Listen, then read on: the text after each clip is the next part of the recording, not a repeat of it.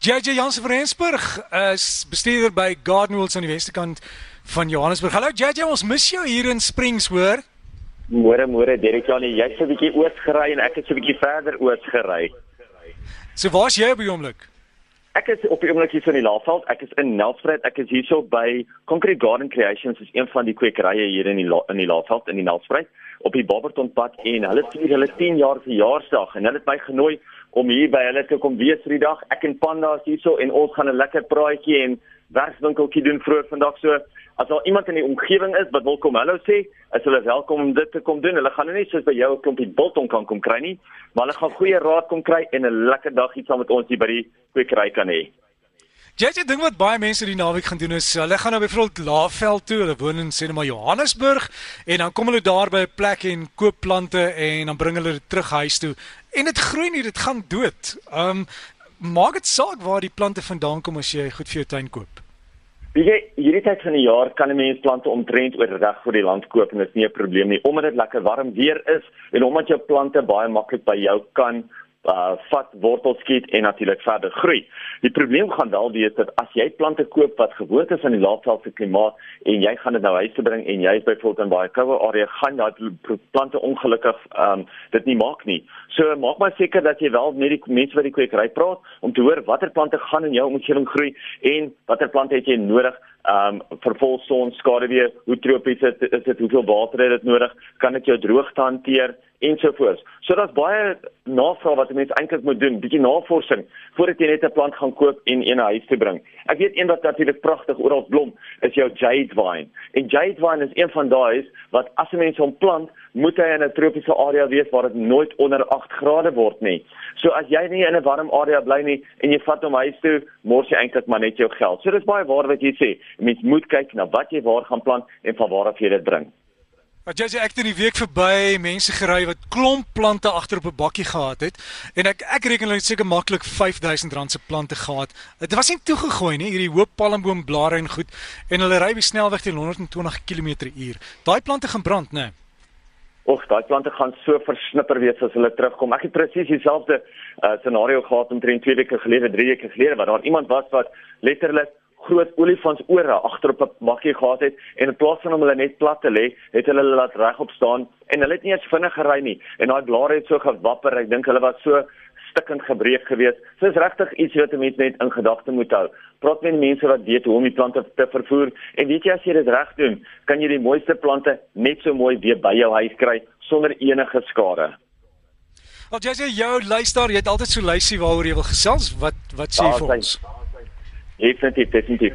Dit ek weet jy, um, ja nee, nou dat ek en jy so lekker rondry, iemand anders het gebel en gesê, "Jy jy maak seker dat die mense weet die canola lande is vol en blom onder in die Kaap." So as jy enigstens pragtige prentjie mooi foto's wil neem van daai pragtige geel canola lande wat op die oomblik in blom is, gaan kyk onder in die Kaap. Ek weet hulle kweek hulle gewoonlik daar in die Koringberg area, maar dit is regtig ongelooflik mooi. Dis lande vol kleur. Ek sê wat mense my baie keer oor vra, is kompos. Hoekom moet 'n mens kompos in die grond inwerk? As jy kompos in die grond inwerk, is dit nog steeds nodig om kunsmis by te gooi. Nou kompos is 'n grondkondisioneerder. Kompos bring al jou mikroelemente of mikrobes in die grond in, nie, nie jou mikroelemente nie, jammer, jou mikrobes in die grond in. So kompos verryk eintlik jou grond en hy kondisioneer die grond. Hy voer nie jou plante nie. Ja, hy voer seker jou plante maar baie min. So as jy mens kompos in die grond inwerk, dan weet jy dit is meer om jou grond te kondisioneer as wat jy jou plante gaan help. Dan moet 'n mens natuurlik altyd jou kunsmis bygooi, jou bemestingsstowwe en dit gaan jou plante voer. So, moet 'n mens kunsmis doen, moet 'n mens kompos doen, jy moet eintlik beide doen. En hierdie tyd van die jaar, nou wat alles weer begin um lewe kry, wat almal begin beddings oorplant, werk jou kompos in die grond in altyd baie makliker om dit te doen voordat jy enige plante en enige wortels in die pad het. So gaan nou en werk genoeg kompos nou in die grond in. Die tweede ding wat natuurlik nou begin 'n groot weer probleme maak of sy kop uitsteek, is jou breë blaar onkruide op die graswerk en veral jou klawer. Jy weet jou klawer en jou randversiering. Ek het hordes mense wat vir my bel en vir my sê jy, my hele graswerk is so groen, maar as ek mooi gaan kyk is daar omtrent nie 'n grasie insig nie. Dit is net onkruide. Nou kyk, daar kan 'n mens baie maklik nou ietsie soos 'n super lawn weeder en 'n lawn till vat bymekaar meng en hom sommer oor die graswerk uitspuit. En hy werk teen die breëblaar onkruid en hy maak natuurlik enige sade dood wat omkiem. Maar maak dood seker dat jy dit reg gebruik. Volg die instruksies met enige onkruiddoder, met enige gif of chemikalieë.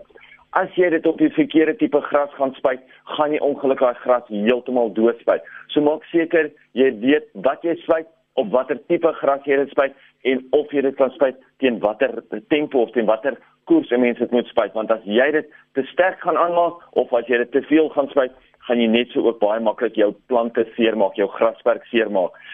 Hierdie tyd van die jaar wil almal mos natuurlik ook nou weer hulle saailinge plant kleur kry vir die somermaande en ek weet vir die laaste 10 jaar of wat is daar nou al 'n probleem met die gewone impatiens. Nou hierdie jaar het hulle vir my gesê is die nuwe impatiens wat wat die kwekers nou uitgebring het is baie geharder teen die downy mildew siekte wat hulle gekry het. So as jy nou gaan impatiens by 'n kwekery koop, kan jy maar groter duim vashou dat hulle nie gaan siek, word nie want dit is 'n baie sterker variëteit wat die kwekerye op die oomblik verkoop wat nie so maklik gaan siek word nie. Andersins kan mense natuurlik mos maar vir die skadu areas altyd kyk na jou New Guinea impatiens wat glad nie daai siekte kry nie, jou begonias wat ook nie siek word nie, ook natuurlik dan jou Joodse skleet. Hulle kan ook die skade hanteer. Ons plan vir die week vir hierdie week is die Jasminum multipartitum en dit is een van ons inheemse jasmyne of dit is ons inheemse jasmyn.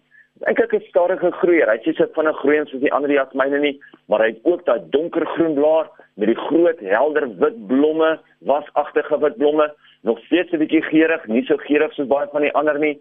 Nou dis eintlik 'n goeie ding vir baie mense want baie mense kry hooikoors en dan wil hulle graag die jasmyn plant. Hulle wil graag 'n ranker hê, hulle wil graag ietsie inneem sê wat baie gehard is, maar hulle wil nie iets hê wat te sterk geur het nie, want andersins gaan hulle weer met hooikoors hooikoors probleme sit.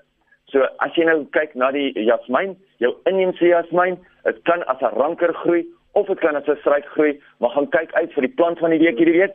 Jasmine multipartitum. En JJ, jy kry ook 'n Madagaskar jasmyn, dis nie hy nie, né? Dit is nie Madagaskar jasmyn nie, Madagaskar jasmyn is eintlik 'n Stephanotis. Dit is ook 'n sadige groeier, groot breë blare, pragtige wit blomme en hy hou nou weer van die skaduwee, waar hierdie jasmyn wat ek nou net van gepraat het, weer van middelmatige son of swikkelson tot volson hou.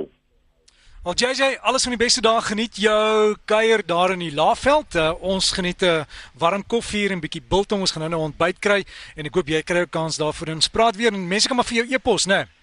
Mense is welkom om my e-pos te stuur. Ja nee, en definitief laat ek vir jou sê, dit is so lekker om na die laafveld toe te kom. Mense toe te kom wat weer plat is op die aarde, wat nie so gejaagd is soos wat ons daar in die stad is nie. Nee, jy weet self hoe ons almal so gejaagd is. En Claudia, Pieter en hier, almal van hulle is wonderlike mense hierbo. Kom kuier gerus en kom ondersteun hulle hierso by die by uh Concrete Garden Creations.